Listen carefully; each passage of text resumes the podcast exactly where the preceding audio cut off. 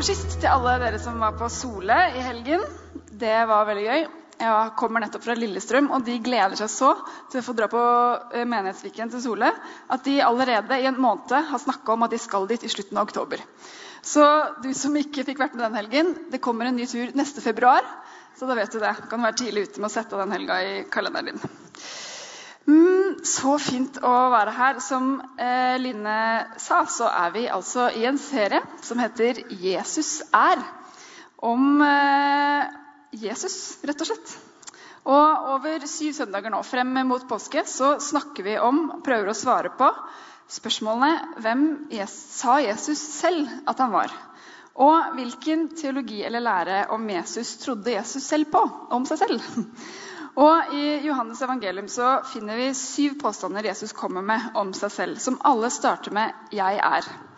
Og det er akkurat de påstandene vi tar for oss de ukene her. Så Forrige søndag starta Andreas Balle med å snakke om at Jesus er verdens lys. Søndagen før der så hadde vi besøk, men da snakka Daniel om at Jesus er veien, sannheten og livet. Og den kan du få med på podkast. I dag skal jeg snakke om at Jesus sier 'Jeg er porten'. Og som alltid når vi eh, har serier fra Bibelen, så prøver vi å spørre oss to ting. Hva hørte de første tilhørerne? Og hva betyr dette for oss i dag? Og min bønn og vår bønn disse ukene her, det er at vi både skal kunne få kunnskap om Gud gjennom å lese Bibelen sammen og bli glad i det han har sagt til oss her. Og få kunnskap til hodet, men også få kjennskap i hjertet til hvem Jesus er. Og hvordan Gud viser seg gjennom, oss, gjennom Jesus for oss i dag. Så før vi går videre, så skal vi ta en liten bønn. Jesus, takk for at du er her midt iblant oss. Og takk for at du inviterer eh, oss til å bli kjent med deg. Vi ber om at du skal vise oss mer av hvem du er denne dagen og denne kvelden, sånn at vi kan få gå ut og vite hvem vi er i deg. Takk for at du gir øynene i hjertet vårt lys, så vi ser hvem du er. I Jesu navn. Amen.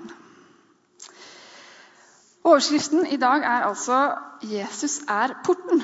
Og noen her har kanskje lest i en og annen bibel før, og kanskje til og med en eldre utgave. fordi før så sto det, i den eldre oversettelsen sto det at Jesus er døren. Og døren er jo kanskje en metafor som er lettere for oss å bruke om livet. For man kan si sånn som at 'jeg har møtt mange stengte dører i livet', f.eks. Eller 'det er vanskelig å vite hvilken dør jeg skal gå inn i akkurat nå'. Og En av dagene jeg satt og forberedte meg, så satt jeg på kafé. Og så var det litt vanskelig å unngå å høre på det som skjedde ved siden av. fordi der satt det en liten familie, mor og far og en sønn på sånn ni-ti år. Og Han hadde hatt om arbeid og yrker på skolen. Og da spurte selvfølgelig faren det obligatoriske spørsmålet ja, har du tenkt på hva du vil bli da når du blir stor. Og det hadde åpenbart denne gutten tenkt ganske mye på, fordi svaret kom lynraskt. Rosablogger! Jeg vil bli rosablogger!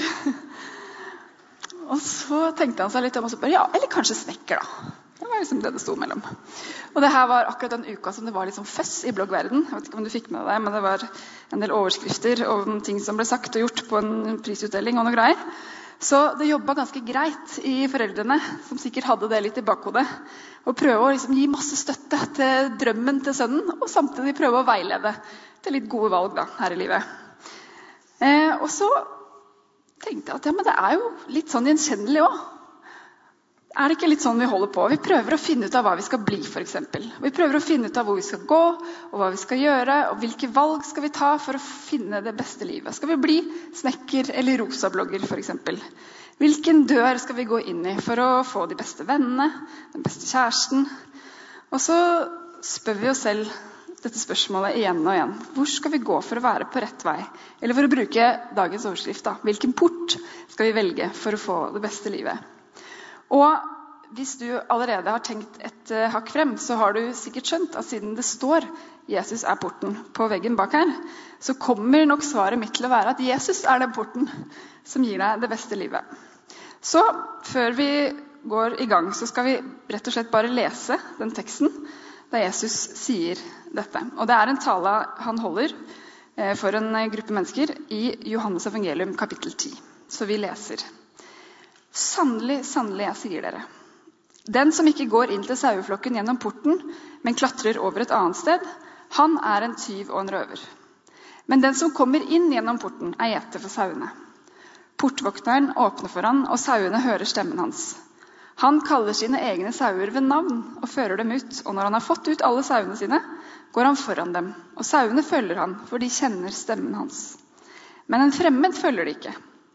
De flykter fra ham fordi de ikke kjenner den fremmede stemme. Denne lignelsen fortalte Jesus, men de skjønte ikke hva han mente. Så Jesus prøver å forklare en gang til. Da sa Jesus, 'Sannelig, sannelig, jeg sier dere, jeg er porten inn til sauene.' Alle de som har kommet før meg, er tyver og røvere, men sauene har ikke hørt på dem. Jeg er porten. Den som går gjennom meg, skal bli frelst og fritt gå inn og ut og finne beite. Tyven kommer bare for å stjele, drepe og ødelegge. Jeg er kommet for at dere skal ha liv og overflod. Så Jesus er porten vi skal velge for liv og overflod. Og når vi nå går i gang med å prøve å forstå, hvorfor, forstå denne teksten, så skal vi se på to spørsmål. Hvorfor sier han akkurat at han er porten?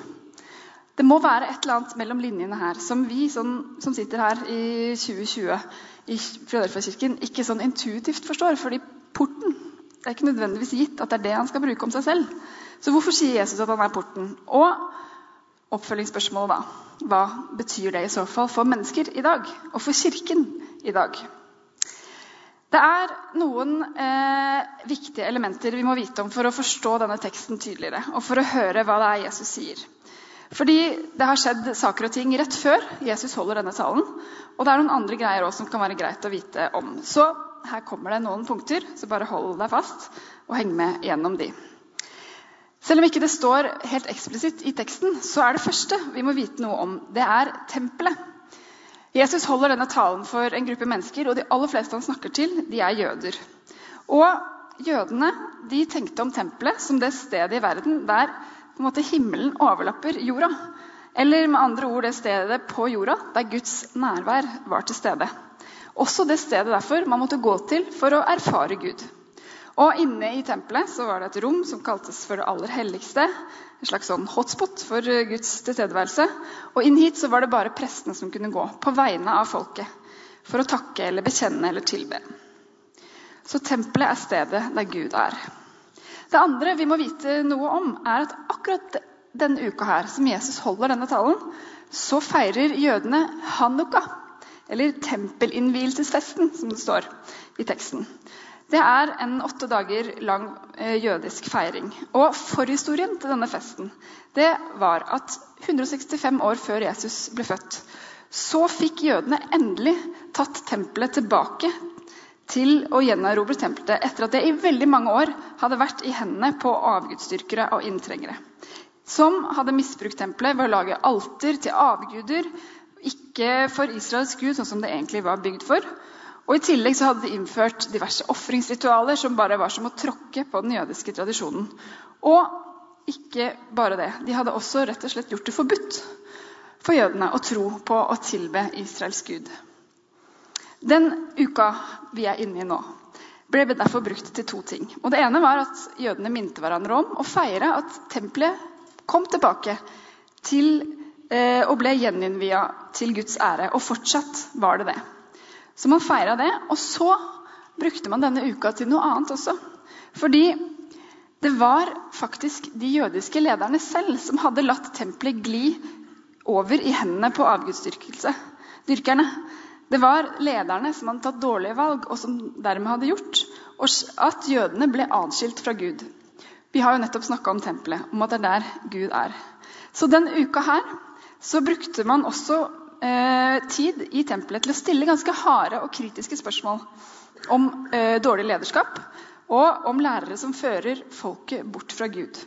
Og En viktig del av liturgien denne uka var derfor at man leste tekster fra profetene i Det gamle testamentet. Tekster som inneholdt profetier om en god gjeter eller leder som en dag skal komme og, alt, og føre folket tilbake til Gud. Men også veldig tydelig kritiske tekster av nettopp ledere som førte folket bort fra Gud. Og Særlig en tekst fra Esekiel ble mye brukt denne uka. her, og Det er kapittel fire fra en bok i Det gamle testamentet som heter Esekiel. Og vi skal få høre et utdrag Ved Israels gjetere, som bare gjeter seg selv, er det ikke sauene de skal gjete. Dere spiser fettet og kler dere med ullen og slakter de beste dyrene. Men sauene gjeter dere ikke. Ikke har dere styrket de svake, ikke helbredet de syke, ikke forbundet de skadde, ikke hentet tilbake de fordrevne, ikke lett etter de bortkomne. Men med makt har dere hersket over dem, og med tvang. Så Punkt to vi må vite om for å forstå litt mer av talen til Jesus, det er at akkurat denne uka så er det tempelinnvielsesfest. Og bl.a. denne teksten leses i tempelet. Det tredje vi skal vite bitte litt om, det er eh, hvem fariseerne var. Fariseerne var en, eh, representanter for en viktig jødisk eh, retning på den tiden. Det var en gjeng som ønska å leve hellig og rett etter loven. Og de, eh, til forskjell fra noen andre grupper, så kom de fra folket. De var ikke nødvendigvis høytstående, men de var fra folket selv, hadde vanlige yrker, eh, men brukte all sin tid på å lese tekstene, prøve å forstå dem fra Bibelen, og undervise og legge ut tekstene i synagogene. Og Derfor så hadde de veldig stor innflytelse på folks religiøse liv. Det var fariseerne folket gikk til hvis de hadde spørsmål eller ville drøfte etikk eller moral, eller hvordan man skulle praktisere de mange religiøse forpliktelsene. Hvis man har bladd litt i Bibelen og sett i evangeliene, så ser man at det er ganske ofte at Jesus adresserer fariseerne. Og mange ganger så er det fordi de ofte var opptatt av det ytre, av å overholde reglene, mer enn av kjærlighet til Gud og mennesker. Så nå vet vi litt om tempelet, og litt om Hanukka og litt om fariseerne. Og så i tillegg så har det skjedd diverse greier rett før denne talen som vi også bør vite om. Og Det første er at rett før Jesus holder denne talen om at han er porten, så har han helbreda en mann som var født blind. Og ikke bare har han gjort det, men han har gjort det på sabbaten. Hviledagen. Jødenes hellige dag. Og Det var mange lover og bud for jødene å overholde, men å holde hviledagen hellig var et av de aller viktigste. Jesus har derfor helbreda på sabbaten. Og det har ført til diverse greier. Fordi helbredelse var ikke på lista over unntak for hva man kunne gjøre den dagen. Helbredelsen av denne mannen som var født blind, det fører derfor til at fariseerne blir rasende. De har allerede vært ganske irritert på, Jesus, uh, irritert på Jesus ganske lenge fordi han har gjort mirakler, og han har undervist og han har eh, sagt ting som både fariseerne mener er å spotte Gud, men også som truer deres posisjon.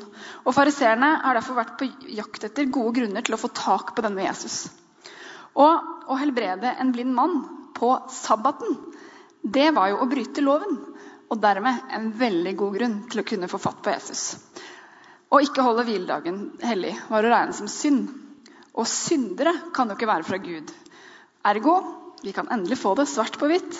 Denne mannen, Jesus, som sier han er fra Gud, han er bare en falsk profet.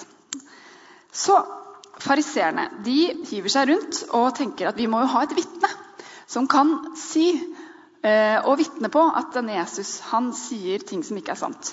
Så Derfor kaller fariseerne inn den tidligere blinde, nå seende, mannen til avhør. Og De regner med at det skal bli en ganske enkel sak og bare få sagt, at han bare får sagt noe greier som gjør at de kan ha sitt på det rene til å anholde Jesus. De har jo ganske mye definisjonsmakt og en relativt høy posisjon sammenligna med denne blinde stakkaren fra veikanten, så det her skal gå bra. Det viser seg imidlertid at ikke det er så lett. Fordi denne mannen som nå kan se, han tropper opp på avhør. Men så har han et eller annet slags sånn forunderlig mot i øynene. Kanskje er det det man får når man møter Jesus og plutselig har fått livet i gave. Men fariseerne lar seg ikke true av det, så de stiller spørsmål på spørsmål. og De blir harde i tonen. Og på et tidspunkt så stiller de mannen et spørsmål om Jesus er fra. Du må jo kunne si hvor han er fra for at vi skal kunne tro på det han sier. Og Da svarer mannen overraskende modig. Han sa, 'Det er da merkelig at dere ikke vet hvor han er fra, enda han har åpnet øynene mine.' Vi vet at Gud ikke hører på syndere, men bare på den som er gudfryktig og gjør hans vilje. Så lenge verden har stått, har ingen hørt om at noen har åpna øynene på en som er født blind. Var ikke denne mannen fra Gud, kunne jeg nå ikke gjøre noe.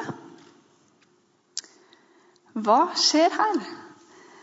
Det svartner litt i øynene tror jeg, på fariseerne. Fordi her kommer det en mann fra gata. En som ingen regner med som noe som helst. Og ikke bare spotter av Gud når han sier rett ut at han tror Jesus er sendt av Gud. Nei, han snakker jo også som om dette burde være åpenbart for alle andre også.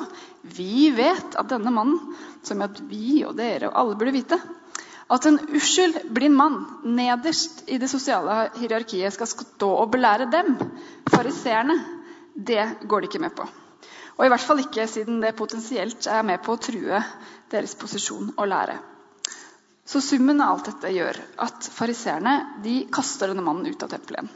Og ikke bare kaster han ut av tempelet, de stenger han ute og sier du får ikke komme tilbake på ubestemt tid. Og vi har jo nettopp sett at Tempelet det er ikke bare et bygg, det er der Gud er. Så denne mannen blir jo både kasta ut av bygget, men også bort fra Gud. Ok. Nå har vi sett på diverse ting som har skjedd i forbindelse med denne teksten. Så nå skal vi lese den en gang til. Da sa Jesus, sannelig, sannelig, jeg sier dere, jeg er porten inn til sauene. Alle som er kommet før meg, er tyver og røvere men sauene har ikke hørt på dem. Jeg er porten. Den som går gjennom meg, skal bli frelst og fritt gå inn og ut for å finne beite. Tyven kommer bare for å stjele, drepe og ødelegge. Jeg er kommet for at dere skal ha liv og overflod. Så For å gå tilbake til spørsmålet hva betyr det når Jesus sier at han er porten? Gjennom hele Johannes evangelium så ser vi et mønster. og Det er at Jesus dukker opp og deltar på alle de store, viktige jødiske festene og høytidene. Og Andreas snakka litt om det forrige uke også. Hver gang kommer han, sikkert for å delta, men aller mest for å gi det et nytt sentrum. Seg selv. Og nå er det tempelinnvielsesfest. Og det leses kritikk av ledere som holder menneskene borte fra Gud. Og da kommer Jesus og gjør det samme. Direkte respons til fariseerne, så kommer han med denne talen. Og gjennom det vi nettopp har hørt av det som har skjedd med den blinde mannen, kan det ikke se ut som at fariseerne stiller opp seg selv og loven som porten inn til Gud. Og når de har kasta ut den blinde mannen, kan det virke som at de ikke bare prøver å være porten man må forsere for å komme inn til Gud, men også at de setter seg til dommer over hvem som får komme inn, og hvem som ikke får det. De definerer hvem som får komme til Gud. Og mens de prøver så hardt på dette, så overser de jo det som er rett foran dem. En mann som har fått synet igjen. Ikke bare igjen, han har aldri kunnet se, og nå kan han det. En syk som har blitt helbreda. Og hva var det vi nettopp hørte at de leste fra profeten Esekiel? Ikke har dere helbredet de syke, men med makt har dere hersket over dem. Men nå kommer Jesus, og han sier at 'jeg er porten', og den som går gjennom meg, altså ikke den som har fått det til, eller klart mest, eller holdt flest lover, eller som er definert som god nok eller på riktig sted i et eller annet hierarki. Nei, alle som går gjennom meg, skal ha frelse og liv og overflod. Vi skal gå litt tilbake for å fullføre historien om den eh, tidligere blinde mannen. Fordi etter at fariseerne kasta han ut av tempelet, så får Jesus høre om det som har skjedd. Og det første han gjør, det er å gå ut for å lete og finne den tidligere blinde mannen.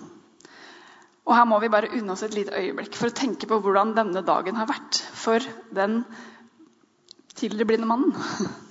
Han må jo ha hatt den rareste dagen i livet. Den starta sånn som den alltid gjorde.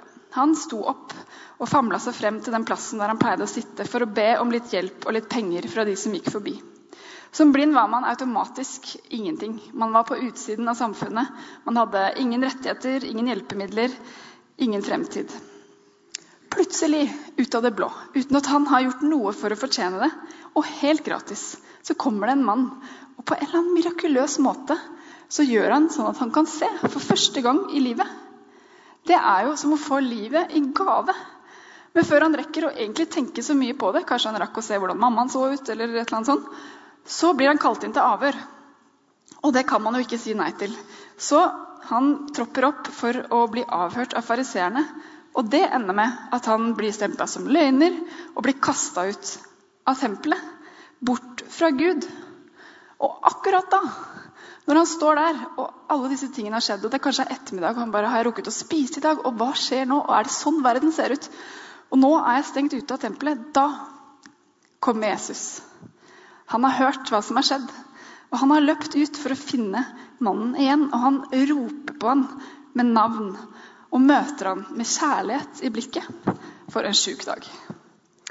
Kanskje kan vi tenke oss dette blir spekulasjon, men kanskje kan vi tenke oss at akkurat i det øyeblikket her, når Jesus kommer mannen i møte, så leses resten av kapittelet, kapittel 34 i Esekiel opp i tempelet bak.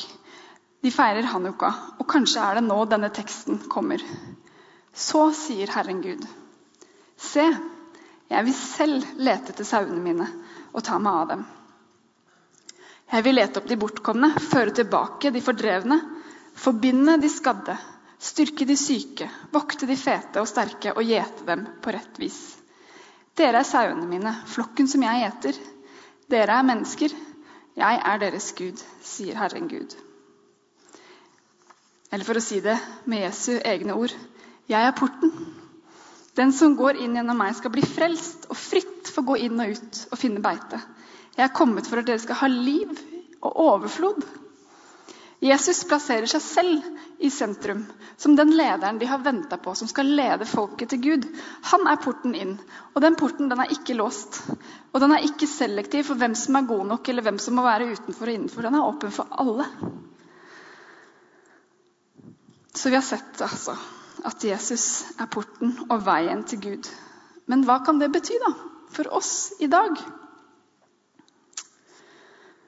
Alt det der bloggoppstyret forrige uke det gjorde at jeg gikk og scrolla litt gjennom noen av de store bloggene. Og det er mange av dem, og det er mye interessant man kan lære der. Eh, men på en av, de, en av de største bloggene så fant jeg at hun hadde publisert en lang liste over alt det som i sum ville gitt henne det beste livet i 2020. Masse forskjellige ting som eh, vil gi et lykkelig liv. Og jeg skal bare gi deg et par smakebiter. Her kommer tre ting for eh, å makse 2020. Punkt nummer én hund. Det må bli en hund i 2020. Jeg var ikke ansvarlig nok forrige gang jeg hadde en hund, og det har jeg veldig dårlig samvittighet for. Jeg var ikke klar. Nå er jeg derimot helt der. Punkt nummer to. Jeg skal samarbeide tett med en veldedig organisasjon og gi tilbake en del av inntekten min for å bevare regnskogen. Det jo bra. Punkt nummer tre. I 2020 skal jeg få meg Porsche. Det kommer en ny modell i år, og den er egentlig alt jeg har venta på. Sånn er det jo, ikke sant? Vi drømmer om Porsche og regnskog samtidig, og hund og alt som er godt. Og det vil jo sikkert gi oss det beste livet, vil det ikke det? Veldig mye av det vi har lyst på her i livet, det er jo veldig gode ting. Jeg er sikker på at Porsche kommer til å gi henne masse gode, gode opplevelser dette året. Og sikkert den hunden også, vil jeg tro. Og så kjente jeg meg på en måte litt igjen, fordi jeg tror jeg er litt sånn selv. Jeg ser for meg en sånn pakke av ting som hvis jeg bare får det, hvis jeg bare får til det, hvis jeg bare greier det eller blir bedre der, da blir det bra. Da kommer det til å gå bra. Og så driver vi og bygger og forbedrer og finpusser og setter oss mål for å komme dit, eller så feiler vi, og så lærer vi, og så pusler vi sammen det vi tror skal bli et godt liv.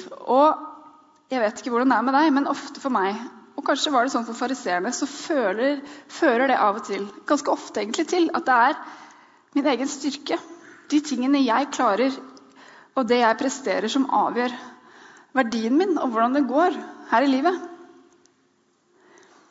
Det første Jesus inviterer til når han holder denne talen om porten, det er noe han fortsetter og fortsetter og fortsetter å invitere alle mennesker til. Og det er noe annet, noe dypere, noe større og mer grunnleggende. Nemlig frelse. Jesus inviterer til frelse. Og det er et litt sånn rart ord, og som kanskje stort sett hører i kristne sammenhenger eller i kirker. Men det betyr jo egentlig bare fri hals. Fra den gangen slavene hadde lenker. Og når de ble satt fri, så fikk de lenka av. Og gjennom frelsen så sier Jesus oss flere ting. Han sier oss noe om fortiden vår, han sier oss noe om fremtiden vår, og noe om livet vi har her og nå. Fordi når vi møter Jesus, og mange her inne har sikkert allerede gjort det, på en eller annen måte sett hvem Jesus er, og gått inn den porten i det livet han har for oss, da kommer jo ingen av oss inn der med blanke ark. Nei, Vi kommer inn med alt det vi har gjort, alle valgene våre, erfaringene, de gangene det gikk bra, de gangene det gikk skikkelig dårlig, de gangene vi såra oss selv eller andre. De tingene vi helst ville skjult, og som vi legger lengst ned. Og de gangene vi feirer at vi fikk det til. Alt det bærer vi med oss.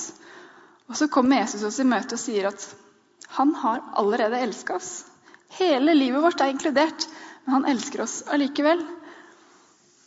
For gjennom Jesus så har vi allerede blitt rettferdiggjort. Uavhengig av alt det, fordi han levde det livet jeg skulle ha levd. Og så døde han den døden som vi av og til kan ane at vi hadde fortjent. Og så sto han opp igjen, sånn at vi kunne gå fri. Så gir Jesus oss et håp for fremtiden vår, fordi han sier at en dag skal han komme igjen. Og Da skal vi bli helt fri, for da skal han sette alle ting i rett stand igjen.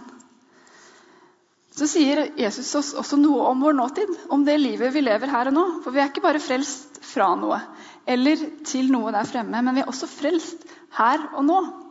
Så det andre poenget jeg ville si noe om, er at Jesus kanskje også forteller oss noe om hvordan kirken hans skal være gjennom den talen han holder. For når vi, som den blinde mannen fikk, får møte kjærligheten i Jesu øyne, når han kommer mot oss med kjærlighet i blikket, og vi erfarer hans nåde i møte med alt det vi har, da, som en sakte konsekvens, så vil vi kanskje erfare at vi har lyst til å gjøre det samme mot de vi møter. At vi vil strekke oss mot Jesus gjennom å møte andre mennesker med nåde. Og øve oss på godhet og sjenerøsitet og velsignelser. I en eh, liten periode så jobba jeg litt i Kirkens Bymisjon. Med mange forskjellige mennesker som av en eller annen grunn trengte litt ekstra støtte. i en periode av livet. Og akkurat på den tiden så fantes det et stort eiendomsselskap som het Rom Eiendom. Og de hadde som oppgave å forvalte sånne store offentlige møteplasser. Sånn som vi alle er innom relativt ofte eller på jevnlig basis. av en eller annen grunn. Og så, ja, så det første jeg tenkte når vi begynte å snakke om dette, var at det var et veldig fint navn. Jeg kan huske jeg tenkte på at Det var et godt, et godt navn på et eiendomsselskap. Fikk assosiasjoner til romslighet og rom for alle og åpne rom. Og så En dag så fikk vi beskjed om at i det kanskje største og mest besøkte rommet de forvalta, så skulle de bytte ut og endre på alle sittebenkene der inne til benkeplater som eh, skrår nedover. Og det gjør jo at man mest sannsynlig fortsatt kan sitte. Men hvis du prøver å legge deg nedpå, ta en liten hvil eller komme deg liksom overpå, da sklir skroppen din av. Og det er, mange, det er, kanskje noen som har hørt om denne saken, og det, dette er ikke et politisk innlegg om akkurat den, men for oss i Kirkens Bymisjon på det tidspunktet så hørte vi bare at nå skjer det noe her. Dette rommet det er ikke lenger åpent for alle. De som kanskje trenger det mest, lenger, har lenger ikke en plass. Og Det fikk meg til å tenke at jeg har lyst til å være en del av en kirke som har benker for alle. Og når Jesus inviterer oss inn gjennom porten til livet, så setter han ingen begrensninger eller hellinger på benkene der for hvem som får plass og ikke. I denne kirken her så sier vi ganske ofte 'velkommen hjem'. Og Noen ganger så kan man jo tro at det betyr 'velkommen hjem til deg som er fra Oslo', eller deg som er fra Sørlandet, deg som kan mest om Bibelen, eller deg som har redda litt regnskog, eller Men det er ingenting av det. Det er bare 'velkommen hjem'. Utropstegn. Og Det er ikke fordi det her ligner så mye på stua di, men fordi Jesus selv står med åpne armer og ønsker oss velkommen hjem til et liv i overflod for alle. Og da tror jeg at en del av det han gjør her, når han steller seg opp som den porten, det er å be oss om å gjøre det samme. Være like rause og like åpne. Og jeg tror han oppfordrer oss som allerede kjenner ham, til å være et rom der alle får plass. Med benker som ikke skyver folk av, men som passer for absolutt alle. Både de jeg liker, og de jeg ikke liker. De som man tenker passer her, og de som ikke gjør det. Uansett hvem det er, så er de velkommen i Guds rike. Jeg fant en annonse på Finn som jeg skal avslutte med her om dagen.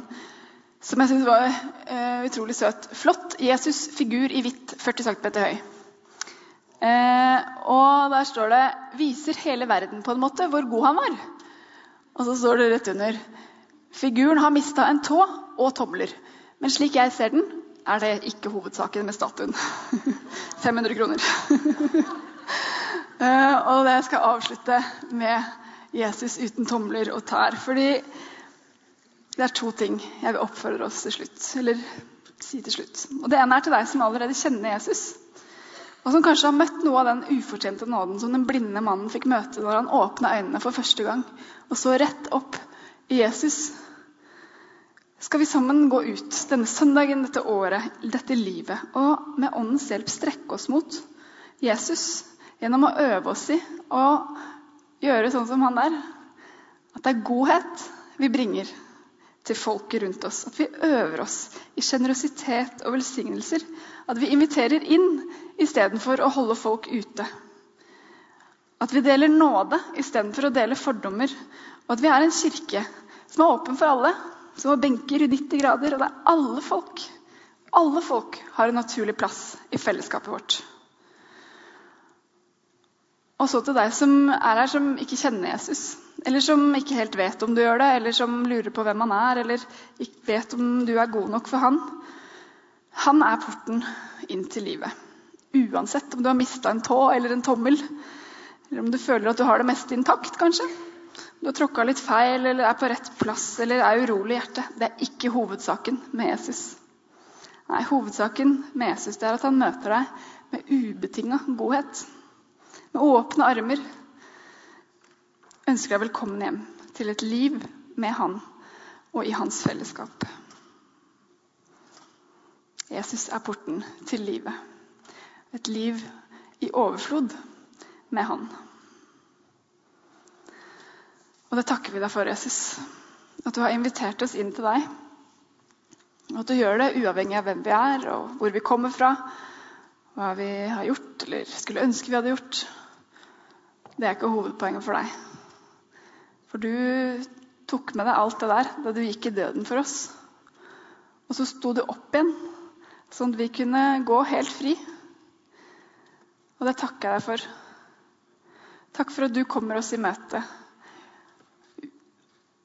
Og at alle er velkommen til deg. Og jeg ber Jesus om at du skal hjelpe oss som mennesker, som medmennesker, som kristne og som kirke til å være og strekke oss mot deg gjennom å strekke oss mot andre.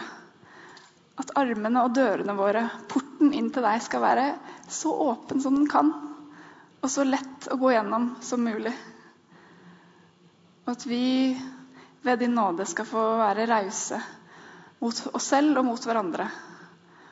Sånn at vi kjennes av din kjærlighet, at vi merkes av din nåde, og at vi kan leve i frelsen gjennom hele livet. I ditt sterke navn, Jesus Kristus. Amen.